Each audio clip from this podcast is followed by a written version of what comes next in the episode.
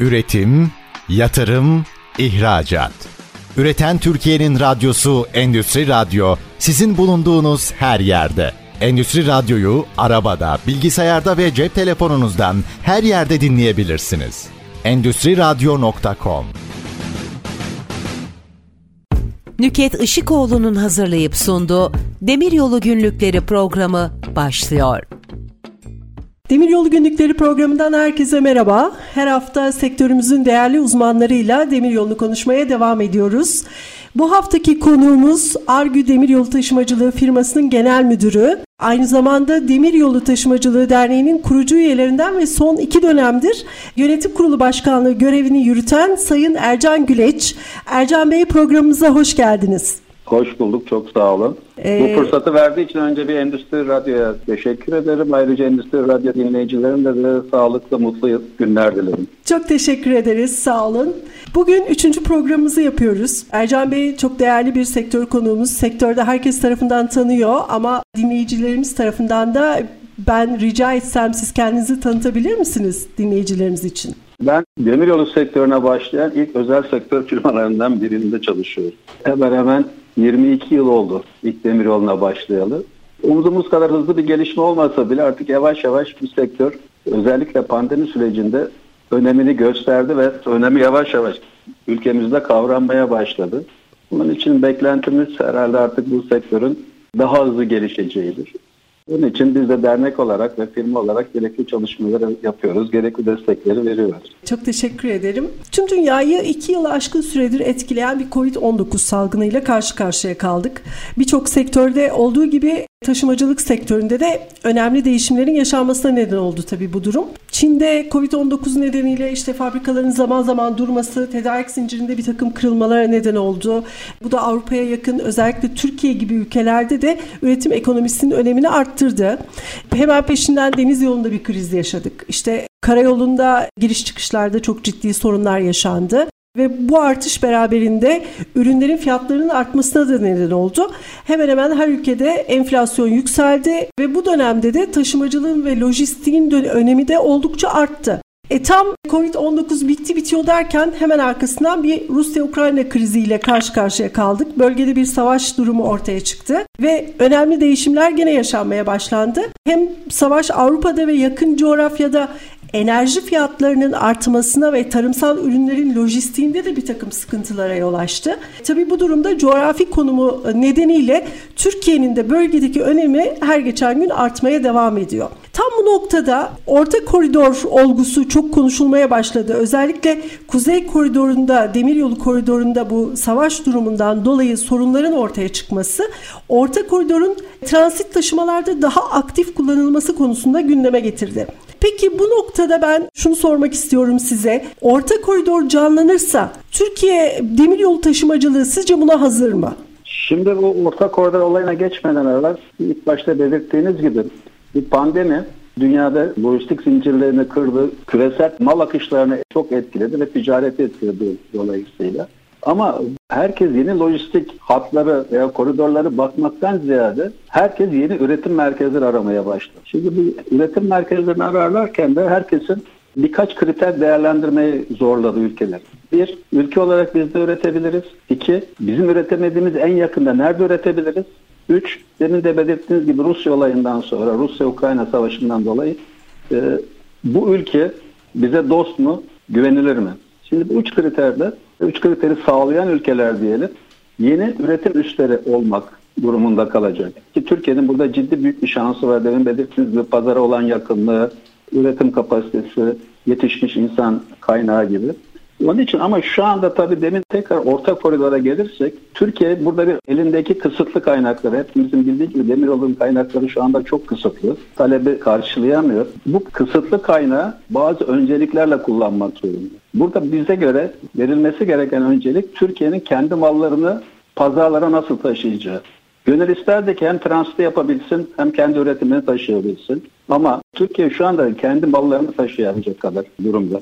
Yani bu durumda da yani bu kötülükten değil, yeterli ekipman olmadığından dolayı. Onun için orta koridor, yani kuzey koridorundan gelecek en ufak büyük bizim kendi iç ihracatçımızın elinden alınan bir kaynak olacaktır. Onun için şu anda biz dernek olarak Türkiye'nin önceliğini kendi üretimine ve kendi üretiminin lojistiğine vermesini, ileride artacak kapasiteyle transit yapmasını hep vurguladık. Zaten bu orta koridordaki kapasiteyi Türkiye'nin karşılamasına imkan yok. Yani bizim Karastettis-Bakü hattındaki günlük tren kapasitemiz 2. Orta koridorun en iyi, kuzey koridorun en iyi zamanında kapasite günde 20 tren kadar. Yani bunun bizim üzerimizden geçmesi, hepsinin geçmesi çok zor. Onun için Türkiye bence daha ziyade kendi ürettiği malları pazarlara nasıl taşıyacağı üzerinden yoğunlaşması lazım. Çok teşekkür ederim. Evet. Yani biz orta koridoru veya kuzey koridorunun yerine geçme olayının biraz daha beklemesi gerektiğini, şu anda öncelikle yapılması gereken şey bu ülkeyi bir üretim üssü getirmek ve bu üstenin ürettiği e, malları batı pazarlarına veya gerekli pazarlara nasıl lojistik olarak taşınacağını çözmek olduğunu inanıyoruz. Ercan Bey sizin de belirttiğiniz gibi tabii ki bu önümüzdeki süreçte özellikle Türkiye'deki demiryolu altyapısının verimli bir taşımacılık yapmaya uygun hale getirilmesi ve bununla alakalı belki mevzuat çalışmalarında tamamlanarak daha uygulanabilir hale getirilmesi de bu süreci destekleyen en önemli unsurlardan biri olacaktır diye düşünüyorum. Peki başka bir konuya geçelim. Şimdi mesela bu demir yolunda serbestleşme konusu özellikle son yılların çok gündemde olan bir konusuydu. 2013 yılı itibariyle bu konuyla ilgili bir demir yollarında serbestleşme kanunu çıktı. Peki bu serbestleşme kanunu sonrasında sizce özel sektör e, ne kadar etkin olabildi? Sektörde tam serbestleşme sağlandı mı? Bu konudaki düşünceleriniz nelerdir? Şimdi o, o konuya gelmeden evvel bir konu daha var çok önemli. Demiryolu niye önemli, niye önemi artıyor? Tabii hepimizin bildiği bir Avrupa Yeşil Mutabakatı, mutabakatı evet. var. Evet. Bu hem yurt içinde yapılan taşımalarda hem yurt dışına yapılacak taşımalarda demiryolunu daha da ön, ön plana çıkarıyor. Artı bugün Avrupa'da en hızlı gelişen taşıma modları deniz yolu, demiryolu kombinasyonları. Evet. Demek ki Türkiye'nin ilk yapması gereken şey altyapısını buna uygun hale getirmesi lazım. Ne demektir? Bütün organize sanayi bölgeleri, üretim merkezleri, limanlara direkt demiryolla bağlanmalıdır. Çünkü dedim ki bu ileride en hızlı gelişecek sektörlerden biri burada tabii limanların da önemi ön plana çıkıyor. Yani limanlar, demiryolu firmaları ve line'lar, deniz e, taşımacılık firmaları ortak bir çalışma içinde bu lojistik sistemini kurmak zorundayız. Şimdi e, tekrar sizlerinize gelirsek, bunun içinde Türkiye'nin ana dar boğazı maalesef elindeki lokomotif kilosu, devlet elindeki lokomotif kilosu çok eski. Evet. Bunun bir an evvel hem sayısının arttırılması lazım hem modernize edilmesi lazım. Bunun için 10 e, yıl evvel sizin de bahsettiğiniz gibi serbestleşme kanunu çıkarıldı. Ama maalesef özel sektör buraya yatırım yapmakta çok tereddüt etti. Yani bu serbestleşme kanunu nasıl uygulanacak? Hakikaten bir serbest piyasa mantığı yerleşecek mi? Şu ana kadar bir serbest piyasa mantığı göremediği için de mümkün olduğu kadar geri durdu. Çünkü yıllarca devlet demiryolları ya demiryolu taşımacılığı sanayi desteklemek için hep zararına çalışmış. Sanayici de buna alışmış. İşte sistem de bunun üzerine kurulmuş. Ve bu zarar da devlet tarafından karşılanmış. Ama bu böyle devam ettirilirse bir serbest piyasa oluşmayacağı için özel sektörün buraya yatırım yapması maalesef çok zor hale geliyor. Onun için biz dernek olarak ilk talebimiz serbest piyasa kurallarının tam olarak çalıştırılması. Buna ne demek istiyoruz? Bir, devlet, özel veya kamu hiçbir ayrım yapmadan her firmaya eşit mesafede durmayı, eşit desteği vermeli eğer destek verecekse. Aslında ben de bunun devamında tam bunu soracaktım. Yani özel sektörün demiryoluna yatırımıyla ilgili ne gibi şartlar oluşmalı? E, o zaman öncelikle serbestleşmenin tam olarak uygulanabilmesi gerekiyor özel sektörün bu alanda yatırım yapması için. Peki bunun dışında başka nelerden bahsedebiliriz? Mesela e, özel sektörün girmesi için sektörün belki teşviklerle desteklenmesi de gerekecek. Bu konuda neler düşünüyorsunuz? Tabii şöyle şimdi Türkiye'deki altyapı maalesef e, verimli ve ekonomik bir e, taşıma yapmaya, demiryolu işletmesi yapmaya uygun değil. Geometrisi hatların, e, ulusal hatlarının geometrisine baktığımızda çok yüksek meyiller var, çok dar kurklar, yani kurk dediğimiz virajlar var. Bu evet. da lokomotiflerin çekiş kapasitesini çok düşürdüğü için operasyonel maliyetleri çok yükseltiyor. Bunu da düzeltmek e, bir zaman alacak. Biz zaten bu demin bahsettiğim hani devlet destek versin, yani operasyonel destek versin dediğimiz şey bu altyapı düzeltilinceye kadar. Altyapı düzelttikten sonra devletin böyle bir destek vermesine gerek kalmayacaktır. Sorumuza gelirsek iki türlü destek istedik. Demin belirttiğim bir altyapının verimsizliğinden dolayı operasyonel destek, iki yatırım desteği. Demiryolu yatırımların dönüş süresi bir lokomotif yatırımı yaparsanız 10-12 yıl arasında. Şimdi ülkemizde 10-12 yıllık bir kredi bulmak hemen hemen imkansız. Yurt dışından ihracat kredileri bulabiliyorsunuz. Ama bunlar da sizi bir kur riskine sokuyor. Niye? Çünkü lokomotiflerin çoğu yurt içinde çalışacak. Yani yurt dışına çıkması e, bazı anlaşmalardan dolayı şu anda çok kısıtlı. Bu da sizi bir kur riskine sokuyor. Onun için bizim operasyonel teşvikler yanında talebimiz yatırım teşvikleri. Yatırım teşviklerinde de uzun vadeli düşük faizli Türk lirası kredi. Bunun sektöre sağlanması lazım. Bunlar sağlanırsa sektörün çok hızlı gelişeceğini inanıyoruz ki Türkiye'nin de buna, ülkemizin de buna ihtiyacı var. Hem bu lojistik kanalların oluşturulması için hem de Avrupa Yeşil Mutabakatı'na uyum sağlamak için. Yani toparlamak gerekirse stratejik bir sektör olan demiryolu taşımacılığının teşvik edilmesi gerekiyor. Özel sektörün demiryolu taşımacılığına girmesi ve bu konuda yatırım yapması için. Bu teşviklerin operasyonel teşvikler ve yatırım teşvikleri olarak taşımacı firmalara verilmesi gerekiyor ki sektörümüz gelişebilsin. Bugün demiryolu yük taşıması ile ilgili yatırımlar genelde hani hızlı tren ağırlıklı yolcu taşımacılığı ağırlıklı yapılıyor. Tabii ki taşımacılıkla ilgili yatırımların da yük öncelikli olması aslında bizim için çok önemli konulardan bir tanesi. Sanıyorum siz de aynı fikirdesinizdir bu konuda. Peki bu orta koridora bir yatırım yapılıyor sürekli gündemde ama bir de güney-kuzey hattı var. Yani ülkenin güneyinden kuzeyine doğru inen demiryolu hattının iyileştirilmesi, yapılması. Siz bu konuda ne düşünüyorsunuz? Şimdi tabii bizim Türkiye'de yapılan yatırımlar Doğu-Batı ekseninde. İşte Doğu ile Batı arasında bir transit koridor oluşturmak için. Avrupa ile Asya arasında diyelim. Ama bir de kuzey-güney yol akışı var. Yani kuzeyimizdeki komşulardan güneye doğru. Ki burada da en önemli bizim hep vurguladığımız hat iki tane ana liman. Samsun ve Mersin limanlarının yüksek verimli bir hatla birbirine bağlanması. Bu hem denizciler için olacak, aktarmalar daha rahat yapılacak hem de bu kuzey-güney hattında ileride gelişeceğine inandığımız bir mal akışı var burada. Onun içine büyük bir destek olacak diyor. Evet. Onun için bu kuzey, özellikle kuzey güneyde yapılacak önemli hat zaten Samsun'la Mersin'i bağlamak. Samsun'a Mersin'in bağlanması tabii çok önemli. Bir ara Ercan Bey yanlış hatırlamıyorsam Samsun, Samsun'dan Kavkaz'a tren feribotları çalışıyordu.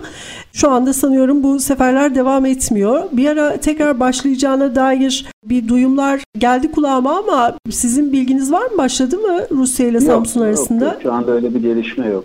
Evet. Orada ya zaten şeye alışmamız lazım. Yani dünya çok hızlı konteyner taşımasına dönüyor. Yani evet. balı elleşlemeden balın kabını aktarmak yani. Doğru. Kombine taşımacı. Ona dönüyor. Onun için bizim de gelecekteki yatırımlarımızı buna göz önüne alarak yapmamız lazım. Yani belki tren feribotu yerine oraya konteyner hattı kurmak Karadeniz'de daha mantıklı olabilir tabii. Evet. Ben birazcık da Demiryolu Taşımacılığı Derneği'nden ve çalışmalarından bahsetmek istiyorum. Siz son iki dönemdir Demiryolu Taşımacılığı Derneği'nin yönetim kurulu başkanı olarak bu görevi yürütüyorsunuz.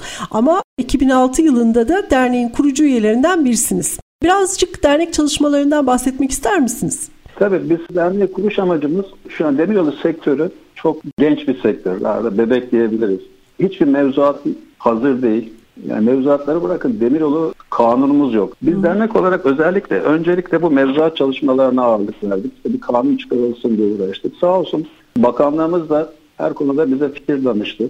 İşte bu lojistik merkezler mevzuatı olsun, demiryolu kanunu olsun, serbestleşme kanunu olsun. Bütün bu çalışmalarda dernek olarak katıldık. Sırf tabii demiryolu olarak değil. Çünkü üyelerimizin yapısına bakarsanız biz sırf demiryolu firmalarına oluşan bir e, dernek değiliz. Aynı zamanda Türkiye'nin bütün liman operatörleri bizim derneğimizin üyesi. Demiryolu altyapısı yapan firmalar derneğimizin üyesi. Ki biz liman operatörlerinin de derneğimizin üyesi olmasını çok önemsiyoruz. Ve bahsettiğim demiryolu demiryolu kombinasyonunun gelecekteki öneminden dolayı ortak çalışma yapmamız gerekiyor diye. Bunun haricinde tabii sektör o zaman e, bu kadar önemli de değildi. Onun için biraz yavaş gitti her şey diyelim. Yani bazı diğer taşıma modlarının altında ezildik diyelim. Ama yavaş yavaş demiryolu önemi çıkmaya başladığı vakit bu kanunlar ve şeyler yavaş yavaş hızlanmaya başladı. İnşallah önümüzdeki bir çok kısa bir süre içinde bütün bu kanunlar bitecek. Biz dernek olarak dediğim gibi bu sektörün gelişmesi için uğraşıyoruz. Bu çelik sektörde e, özel sektörün girmesi için uğraşıyoruz. Özel sektöre nasıl girecek, ne gibi tedbirler alınması gereken konusunda devamlı bakanlıkla temas halindeyiz, toplantı halindeyiz. Şimdi inşallah sonuçlarını en kısa zamanda alıp bu sektörü hak ettiği yere taşıyacağız. Çünkü hep inandığımız bir şey var. Demiryolu sektörü olmadan bizim lojistik sektörümüz bir yere gidemez. Kesinlikle öyle. O zaman şu anda kısa bir reklam arası verelim. Daha sonra Demiryolu Günlükleri programımıza kaldığımız yerden devam edeceğiz. Üretim, yatırım, ihracat. Üreten Türkiye'nin radyosu Endüstri Radyo sizin bulunduğunuz her yerde. Endüstri Radyo'yu arabada, bilgisayarda ve cep telefonunuzdan her yerde dinleyebilirsiniz. Endüstri Radyo.com ST Endüstri Radyo'dasınız. Demiryolu Günlükleri programı kaldığımız yerden devam ediyor. Konuğumuz Argü Demiryolu Taşımacılığı Şirketi'nin genel müdürü ve Demiryolu Taşımacılığı Derneği'nin yönetim kurulu başkanı Ercan Güleç. Evet Ercan Bey ben birazcık daha dernek çalışmalarından bahsetmek istiyorum. Çünkü demiryolu taşımacılığı az önce de bahsettiğimiz gibi çok stratejik bir sektör. Hem ülkemiz için hem insanımız için hem ticaretimiz ve ekonomimiz için çok önemli. Demiryolu Taşımacılığı Derneği 2006 yılında kuruldu ve sektörün ilk ve tek sivil toplum kuruluşu ve şu anda bildiğim kadarıyla dernek üyelerine ait 3500-4000 civarında vagon yatırımı var. Ayrıca dernek üyeleri arasında Türkiye Cumhuriyeti Devlet Demiryolları Taşımacılık AŞ'nin yanında özel sektör olarak da demiryolu tren işletmecisi olan Körfez Ulaştırma ve Omsan Lojistik de bulunuyor. Özellikle bu bakanlıkla, devlet demiryolları ile sürekli bir etkileşim halinde karşılıklı toplantılar yapılıyor. Kanunlar, mevzuat taslakları üzerinde dernek üyelerinin görüşleri sürekli ilgili kurumlara ve kuruluşlara aktarılıyor. Ve Türkiye Odalar ve Borsalar Birliği'nde Ulaştırma ve Lojistik Sektör Meclisi'nde başkan yardımcılığı görevinizde dernek çalışmaları kapsamında devam ediyor. Siz biraz dernek çalışmalarından bahseder misiniz? Üyelerden veya neden üye olmalı firmalar demiryolu taşımacılığını geliştirmek için ve bu konuda şirketlerinde belki bir yapılanmaya gitmek için bu konuyla ilgili söyleyecekleriniz var mı acaba? Şimdi biz Demiryolu Taşımacılığı Derneği sektördeki tek sivil toplum örgütü. Ve dediğim gibi 75 e, tane üyesi var bu işe ciddi yatırım yapmış, yapacak firmalardan oluşan. Ama biz şunu da fark ettik. Yani tek sivil toplum örgütü olmamız tek başımıza bir şey yapmamız gerektirmiyor. Yani onun için diğer sivil toplum örgütleri de bu konuda uğraşıyor. Hatta bu amaçla daha doğrusu daha değerli toplu bir mücadele etmek değil de sektörü yapılandırmak amacıyla diğer sivil toplum örgütleriyle de yavaş yavaş işbirliği anlaşmaları ve işbirlikleri yapmaya başladık. Çünkü dediğim gibi yani bunların hepsi lojistik bir zincir gibi hepsi birbirine bağlı. Bunun için Utikat olsun, Türklim olsun onlarla da görüşüp çünkü her dernek bir problem götürdüğü vakit bazen olay kaotik bir evet. hale geliyor ve hiçbir sonuç alınamıyor. Tabii. Tek seslilik Şimdi, burada çok önemli. E, tabii onun için derneklerle beraber bir çalışma yapalım dedik. Çünkü ana problemleri belirleyelim. Bu ana problemler üzerinden hep beraber bir çalışma yapalım. Biz sağ olsunlar onlar da bunu kabul ettiler. Yavaş yavaş işte sivil toplum örgütleriyle ilişkilerimizi çoğaltarak sektörün gelişmesine bir hız kazandırmak istiyoruz. Onun için şeyden bahsedersek dernek üyelerinden demin dediğiniz gibi iki tane şu anda dernek üyemiz e, demiryol tren işletmecisi. Ama şu anda benim bildiğim 5-6 tane üyemiz de olmak için hazırlık yapıyorlar. Çünkü dediğim gibi şu anda lokomotif almak da bir problem. Yani evet. üreticiye gittiğiniz vakit bu Avrupa Yeşil mutabakatından dolayı ve Avrupa'daki lojistiğin değişmesinden dolayı orada da ciddi bir makine ve ekipman talebi var. Yani ve inanılmaz 3-4 yıl gibi teslim sürelere verilmeye başlandı diyelim. Onun için e, bizim de sektör olarak bir an evvel problemleri çözüp bağlantılarımızı yapıp bu ekipmana sahip olmamız gerekiyor ülke olarak. Yoksa dediğim gibi iş çok uzaklara gitmeye başladı. Yani burada şöyle diyebiliriz. Biz bugün bir lokomotif almaya karar versek bu lokomotifin bize teslim edilme süresi herhalde 2,5-3 yıl civarında oluyor. Evet. Doğru mu? Evet. Doğru. Evet. Buradan da o zaman şu sonucu çıkarabiliriz. Demiryolu taşımacılığı ile alakalı eğer bir yatırım yapacaksak veya bu konuda bir gelişme kaydetmek istiyorsak planlamamızı çok iyi ve önceden yapmamız gerekiyor ki hedeflere zamanında ulaşılabilelim. Şimdi Pardon, yapacaksak değil evet, yapılması lazım. Yapılması yani lazım. Bunu evet, yapacaksak kesinlikle. şansımız kalmıyor. Artık Yoksa, yapmak e, zorundayız. Yap ülke olarak birinin ya bu devlet yapacak ya özel sektör yapacak Evet. yoksa yakında bu Avrupa'da emisyon vergileri, Evet. sınırda vergileri Mecbur bırakacak zaten Mecbur sanayicimizi bırakacak. ve lojistikçilerimizi. Hızlanmamız lazım. Çünkü siz de biliyorsunuz Avrupa'nın da kendi bir projesi var. Bu. Gateway dedikleri. Tamamen üretim merkezlerini ve lojistik kanunlarını yeniden düzenleyen bir projesi var. Epey büyük bir kaynak ayrılıyor oraya. Bizim de buna bir an evvel dahil olmamız lazım. Kesinlikle. Evet. Avrupa Birliği Aralık 2019 tarihinde zaten Avrupa Yeşil Mutabakatı'nı duyurdu ve dedi ki 2050 yılında biz iklim nötr bir kıta olacağız ve bu hedefimizi bütün dünyaya duyuruyoruz. Ve sera gazı emisyonunu da aşağı çekeceğiz ve sera gazını oluşturan en önemli sektörlerden bir tanesi ulaştırma sektörü. Peki sizce biz yeşil dönüşme hazır mıyız? Özellikle Şimdi demiryolu buradan- sektöründe. Şimdi şöyle tabii demiryolu sektörü derken bütün raylı sistemlere bakmak zorundayız. Evet. Biz hep yük tarafını organize, hep yük tarafına konsantre oluyoruz ama demiryolu arası raylı sistemler e, bildiğiniz gibi üç bölümden oluşuyor. Bir şehir içi, ki şehir içinde Türkiye ciddi yatırım yaptı. Metro sistemleri olsun, banliyö sistemleri olsun.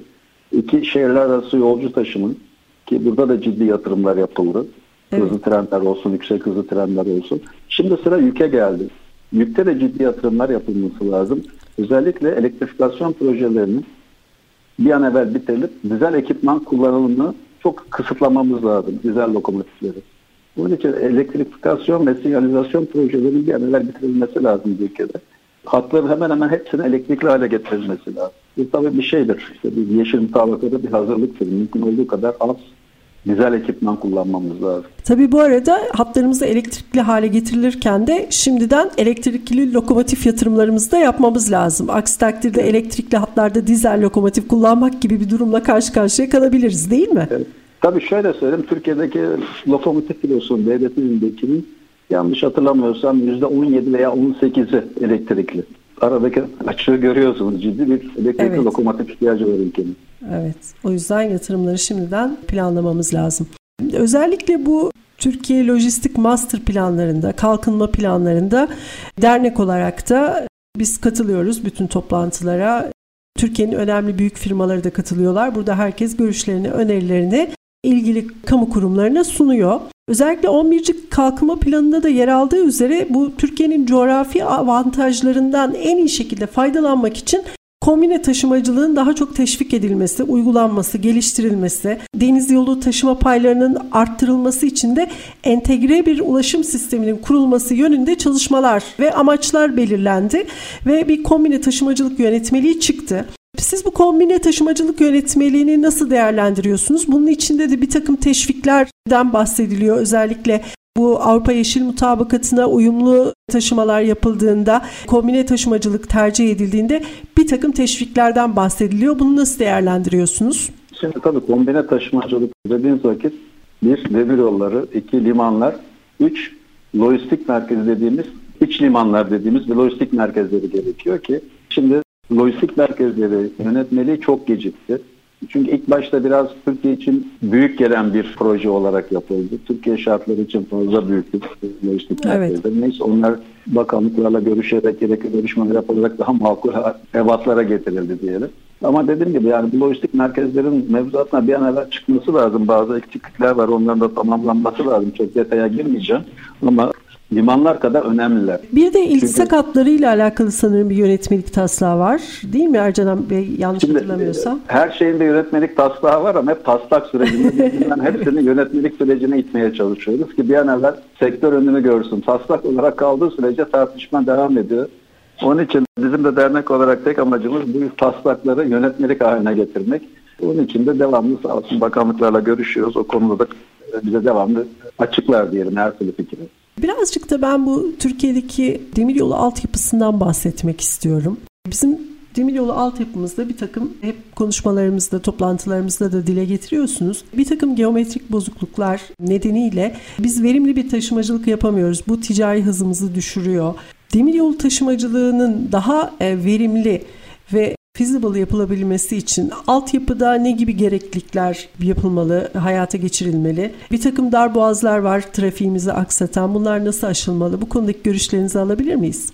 Şimdi biz orada altyapı genel bir TCD'de altyapıda epey bir görüşmeler yaptık. Şöyle, burada kısa, orta ve uzun vadeli çözümler var. Yani hemen yapılması gereken şeyler, orta vadede yapılması gereken şeyler. Hatırlar mısınız? Bir ara yıllar evvel karayolları bir çalışma yapmıştı. Kör noktalar diye. Yani karayol trafiğinin en riskli olduğu bölgeler gibi. Ve bunlar nasıl giderilecek diye. Biz de demiryolları aynı şeyi teklif ettik. Dedik bakın Türkiye'de demiryolu belli noktalar var. Yani bunların sayısı da onu geçmez. Buraları düzelttiğiniz vakit geometrik olarak demiryolu verimliliğini en az %50 arttırırız.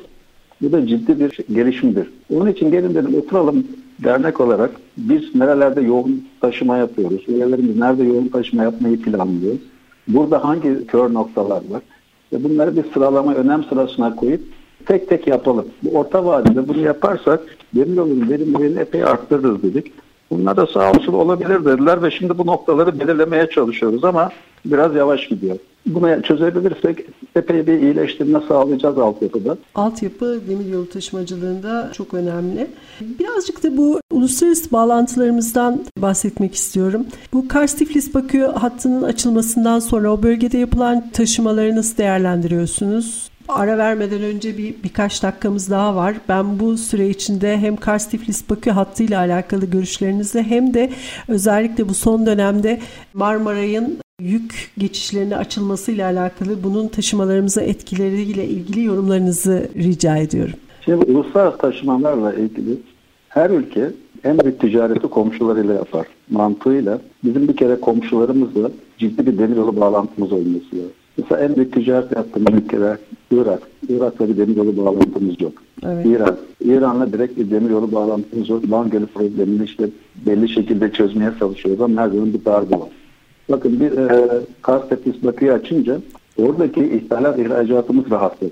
Biz aynı şekilde Irak'a Irak bir demiryolu bağlantısı koyabilirsek, Avrupa'ya demiryolu bağlantılarımızın sayısını arttırabilirsek, bu hem ithalat hem ihracatın özellikle ihracatın için büyük bir fırsat olacak. Marmara'ya gelince Marmara biz dernek olarak onu hep bir metro projesi olarak görüyoruz. Evet. Yani onun bir alternatifin yapılması gerekiyor. Bütün, büyük, bütün beklentimiz 3. köprünün üzerinden bir transit demiryolu hattı yapılması. Orada bir gelişme olmadı ama inşallah yakın zamanda olacak diye bekliyoruz. Çünkü Marmara bir metro hattı. Ben burada özellikle hani sektörün dışındaki dinleyicilerimiz için de sormak istiyorum. Marmaray'dan her türlü yükün geçişine izin verilmiyor. Bildiğim kadarıyla Doğru. sadece konteyner ve tehlikeli madde olmayan, e, dökme yük olmayan yüklerin geçişine izin veriyor. Bunun dışındaki diğer demiryolu yükleri Asya'dan Avrupa'ya nasıl geçiyorlar? Şimdi o konuda aslında bizim bir teklifimiz vardı ama pek ilgi görmedi. Biz bu Sirkeci hattındaki çalışan feribotların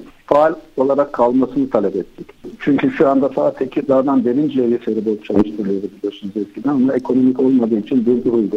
Avrupa'dan gelen şeyleri. Ama Sirkeci Haydarpaşa arasında çalışan feribot çok daha verimli olacaktı ki orada mevcut feribotlar vardı. Devlet Demiryolları altyapıyla görüştük. Bizim tek talebimiz bu hattın tekrar harekete geçirilmesi. Sirkeci Haydarpaşa arasında çalışacak feribotlarla Avrupa Asya arasındaki bağlantı. Çünkü çok verimli bir bağlantıydı. Niye kapatıldığını anlamadım. Orası gerçekten de çok da yoğun çalışan bir hat olarak hatırlıyorum ben de. Kısa bir araya gidelim şimdi. Aradan sonra tekrar buradayız. Çok teşekkürler. Üretim, yatırım, ihracat. Üreten Türkiye'nin radyosu Endüstri Radyo sizin bulunduğunuz her yerde. Endüstri Radyo'yu arabada, bilgisayarda ve cep telefonunuzdan her yerde dinleyebilirsiniz. Endüstri Radyo.com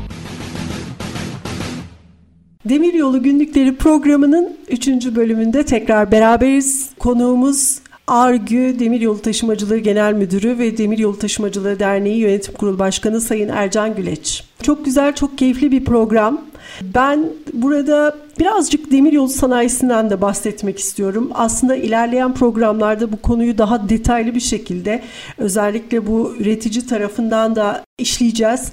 Siz Türkiye'deki demiryolu vagon sanayi, lokomotif sanayi ile alakalı ne düşünüyorsunuz? Önümüzdeki süreçte e, bu sektör nasıl ilerliyor? Neler gerekli gelişmesi için? Şimdi güzel bir konuya değindiniz. Aslında şimdi mesela biz burada ciddi problemler de yaşamaya başladık aslında.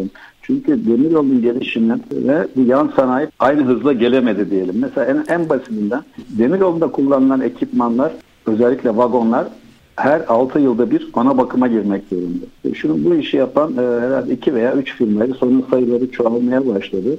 Biz bilmiyorum iyi mi yaptık, kötü mü yaptık ama devlet demir yollarının da özel sektörde çalışması gerektiğini, özel sektörün böyle büyüyeceğini için epey e, demir yollarıyla görüşmüştük. E, demir yolları da sağ olsun bunu kabul etti ve vagonlarını özel sektöre yapmaya başladı.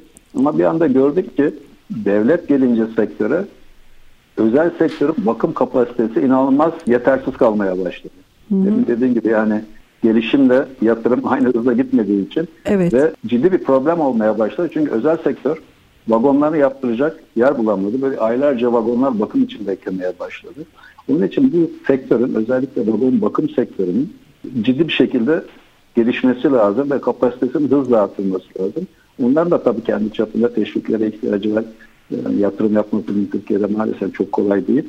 Bunlar da teşvik edilmesi lazım. Serbestleşme aynı zamanda yedek parça yani nasıl otomotiv yan sanayi, demiryolu yan sanayinde hızla geliştirmesi lazım. Şu anda epey ümit duyduğumuz gelişmeler var. Mesela işte demir çelik fabrikamız Karabük teker üretmeye başladı. Böylece yurt dışındaki tekere artık ihtiyacımız kalmadı. Diğer ufak tefek işte kancalar olsun, bebekler olsun hepsi bunların içeride üretilmeye başladı. Ki bunlar çok ümit verici ve bizi mutlu eden gelişmeler. Ama dediğim gibi yani bu sektörün biraz daha hızlı gelişmesi lazım. Onun için de biraz da desteğe ihtiyacı var. İşte bazı kümelemeler, işte kümelenmeler Eskişehir'de yapılıyor organize sanayi gibi. Bunların desteklenmesi lazım. Ayrıca bu sektörün en önemli problemlerinden biri personel. Evet. Bu sektöre personel yetiştiren bir sistem yok. Biz birkaç toplantıları hep bakanlıklara da görüşmeye başladık. Mesela raylı sistemler bölümleri var üniversitelerde. Ama bu sistemler mezun alanları biz kullanamıyoruz. Çünkü sertifikasyonları yok. Sertifikasyonlar için bir daha eğitilmesi lazım. Yani düşünün bir çocuk 4 yıl okula gidiyor, mezun oluyor, çalışamıyor. Hadi bir daha eğitime gitmesi lazım. Evet. Biz bu raylı sistemlerdeki eğitimlerin sektörün taleplerini karşılayacak şekilde tekrar düzenlenmesi için bakanlıklarla görüşmeye başladık. İşte herhalde yakın zamanda Milli Eğitim Bakanlığı ve YÖK'le görüşeceğiz. Çünkü bu sektör hakikaten inanılmaz bir personel açıyorlar. Makinist bulamıyorsunuz, ya tren ne bileyim makasçı bulamıyorsunuz, tren şefi hiçbir şey bulamıyorsunuz. Onun için bu sektörün bir an evvel bir personel sorunu çözülmesi lazım. Eminim ki diğer sektörlerde de duyuyoruz yetişmiş eleman sıkıntısı var ama bu sektör hakikaten çok hızlı gelişmeye ihtiyacı var ve çok fazla personele ihtiyacı var. Bunun için an evvel bir personel sorunu çözülmesi lazım. Devlet de burada kendi eğitim komitesini desteklemesi lazım. Nasıl çözüleceğini bir an evvel karar vermemiz lazım. Yoksa dediğim gibi yatırımlar geliyor ama yatırım boşta duruyor. Çünkü personel yok o yatırımı kullanacak. Tabii insan kaynakları gerçekten bu sektörde çok önemli. Dediğiniz gibi akreditasyon da çok önemli. Mezun olan öğrencilerin direkt sektörde göreve başlamak için hazır olması gerekiyor. Artı eğitimlere gerek duymadan, zaman kaybetmeden bir an evvel istihdam edilmesi gerekiyor. Özellikle bu son dönem yapılan toplantılarda bu makinist sorunuyla da alakalı bazı konular duyuyorum ben. Makinist ihtiyacımız da var. Şu anda sadece Devlet Demir Yolları kendi bünyesinde kurumsal eğitimle makinist yetiştiriyor bildiğim kadarıyla. Bu konuda siz neler söylemek istersiniz? Hep aynı şeye geliyor. Yani dediğim gibi eğer Anadolu Üniversitesi'nde Ali Sistemler bölümünün yan bir şey açılıp makinist yetiştirilmeye başlarsa bu epey bir katkısı olacak. Bu sektöre bir katkısı olacak. Şimdi tabii biz buna diğer sivil toplum örgütleriyle konuştuğumuz vakit hepsi aynı şeyi dile getirmeye başladı. İşte şoför sıkıntısı var, makinist sıkıntısı var. Herkesin bir personel sıkıntısı var. Demek ki bu Türkiye'de genel bir problem. Yani üniversite seviyesinin altında teknik eleman ciddi bir sıkıntı. Bunun nasıl çözüleceğine bakılması lazım. Yani ben bunun tek demiryolu sektörüne olmadığını, diğer sektörlerde de ciddi bir teknik eleman sorunu olduğunu düşünüyorum. Onun evet. için dediğim gibi ama bu sektör yeni geliştiği için e, ve hızlı büyüdüğü için diyelim daha çok personel ve elemana ihtiyacı var ve bulunamıyor. Yani bir şoför bulabilirsiniz, yetiştirebilirsiniz belki ama bir makinisti yetiştirmek çok kolay değil.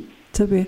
Bir de belli bir süre sürüş tecrübesi de kazandırmak tabii, tabii, gerekiyor. Tabii. Yani şöyle kurallar e, kurallarına bakarsanız demiryolu sektörü havacılık sektörü gibi çok katı kurallar içinde çalışıyor. Evet. Tam ben de aynı örneği verecektim. Havacılık sektöründeki o katı kuralları bizim aynı şekilde demiryolunda hem istihdamda hem emniyet yönetim sistemlerinde hem demiryolu araçlarında her konuda uygulamamız gerekiyor. Peki bu emniyet yönetimiyle alakalı ne düşünüyorsunuz? Emniyet yönetim sistemleriyle ilgili? Biliyorsunuz onun herkes kendi, her firma kendi emniyet yönetim sistemini kurgulayıp bunu bakanlığa onaylatıp Evet. Bu emniyet yönetim sisteminde çalışıyor zaten. Bir zorunluluk. Zaten bir demir otel işletmesi olacaksanız emniyet yönetim sistemi oluşturup bunu onaylatıp belgesini almanız lazım. Çünkü ondan sonra bu çerçeve içinde çalışmanız lazım. Peki ben şeyi sormak istiyorum. Demiryolu taşımacılığı sektörünün gelişimiyle alakalı, bu sektörün geleceğiyle alakalı öngörüleriniz, görüşleriniz nelerdir bizimle paylaşabilir misiniz? Yeni yazılacak demiryolu kanununda bu sektörün gelişebilmesi için bazı sorumlulukların artık dengeli dağıtılması.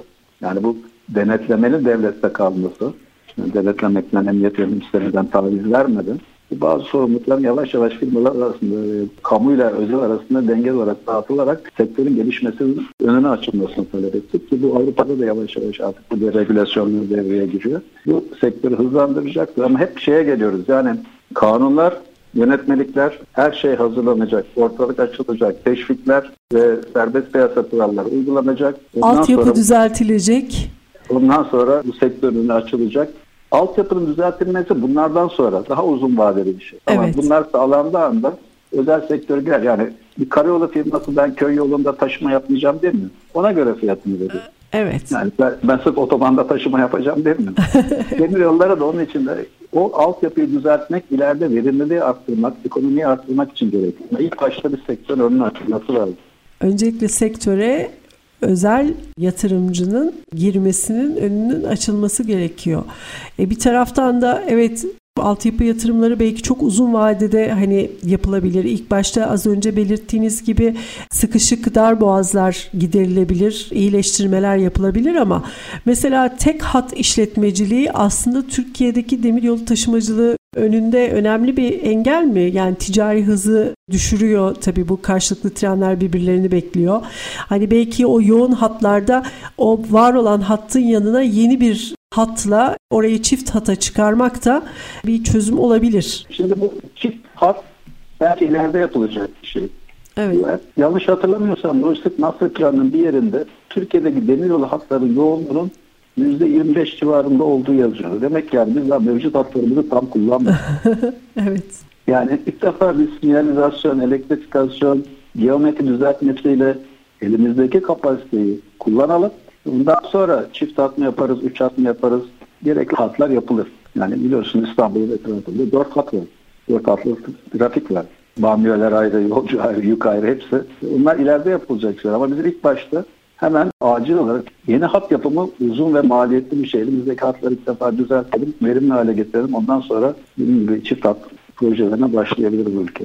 Peki Türkiye'deki mevcut bu vagon filosu ile alakalı ne düşünüyorsunuz? Hem özel sektörün elinde belli bir sayıda vagon var hem e, şu anda devletin elinde belli bir sayıda vagon var ama genel olarak baktığımızda vagon filomuz eski. Hani yeni yatırım yapanlar tabii ki yeni vagonlar alıyorlar ama genele baktığımızda eski bir vagon filomuz var ve özellikle bu Avrupa standartlarına uygun TSI'li artık vagonların kullanılması gibi yasal düzenlemeler yapıldı. Şu andaki filomuz ne durumda? Lokomotif filomuz da, filomuz değil, vagon filomuz da eski ama Türkiye'nin acil ihtiyacı özel bazı vagonlar hariç işte Avrupa'da taşınan o, o, ikiz vagonlar diyelim Belda akımı. O tip gibi vagonlar veya e, akaryakıt vagonları gibi çok özel vagonlar hariç vagonun genel filonun vagon sayısı yeterli ama verimsiz kullanılıyor. Niye? Çünkü lokomotif sayısı yetersiz olduğu için Vagonlar bekliyor. Yani yüklü bekliyor, gitmek için bekliyor. Eğer siz verimli lokomotifleri daha verimli kullanıp vagonlarınızı daha hızlı seri hareket ettirirseniz, ettirebilirsek bu ülkede şu andaki taşımanın çok üstünde taşıma yaparız mevcut vagon filosuyla. Bunun için dediğim gibi hep şeye geliyor olay. Lokomotif sayısı. Yani ileride vagonlar özel sektör bu işe girmeye başladığı vakit ki her sektörde böyle olmuştur. Yani burada ben devlet sektörünü kötülemek için değil ama özel sektör daha böyle yeni teknolojiler getirir, yeni uygulamalar yapabilir. Biz özel sektör olarak özel sektör firmaları demiryolu sektörüne girdiğinde bir dökme yük sıkıntısı vardı. Yani bazı dökme yükler istasyonlar şehir içinde kaldığı için özellikle kömür gibi çevreye kirleten ürünler taşınamıyordu. Özel sektör buna çare olarak kömürü konteynerize edip taşımaya başladı. Evet. Ve ciddi bir yük getirdi demir yollarına. Milyonlarca ton kömür artık demir yollarında bu aç, e, konteynerler taşınmaya başladı. Madenler konteynerlerle taşınmaya başladı. Böylece bir ana problem çözüldü. Bunun için de özel sektörün olması her zaman yeni uygulamalar, yeni teknolojiler için bence gerekli bir şey. Yani sonuç olarak şöyle diyebiliriz yani Demiryolu Ulu Önder Atatürk'ün dediği gibi çok gerekli bir sektör, çok önemli bir sektör. Yani öyle her zaman bizim uyguladığımız gibi yani Türkiye bir lojistik merkezi olacaksa, bir transit hat üzerinde olacaksa çok iyi demiryolları altyapısı ve işletmeler olması gerekir. Özellikle ileride bu Avrupa Yeşil Mutabakatı olsun, diğer kısıtlayıcı önlemler olsun için denizyolu kombinasyonunun teşvik edilmesi ve bir an evvel maksimum şekilde desteklenmesi ve geliştirilmesi lazım. Bunun haricinde komşularımızla olan demiryolu bağlantılarımızın en iyi şekle getirilmesi lazım ki ihracatçılarımız bu hatlardan rahatlıkla mallarını sevk edebilsinler. Aklıma gelenler hep bunlar ama dedim evet. o kadar çok anlatılacak, o kadar çok evet, halledilecek evet. problem var ki birbirine hala birini unuttuk diye hep düşünüyorum.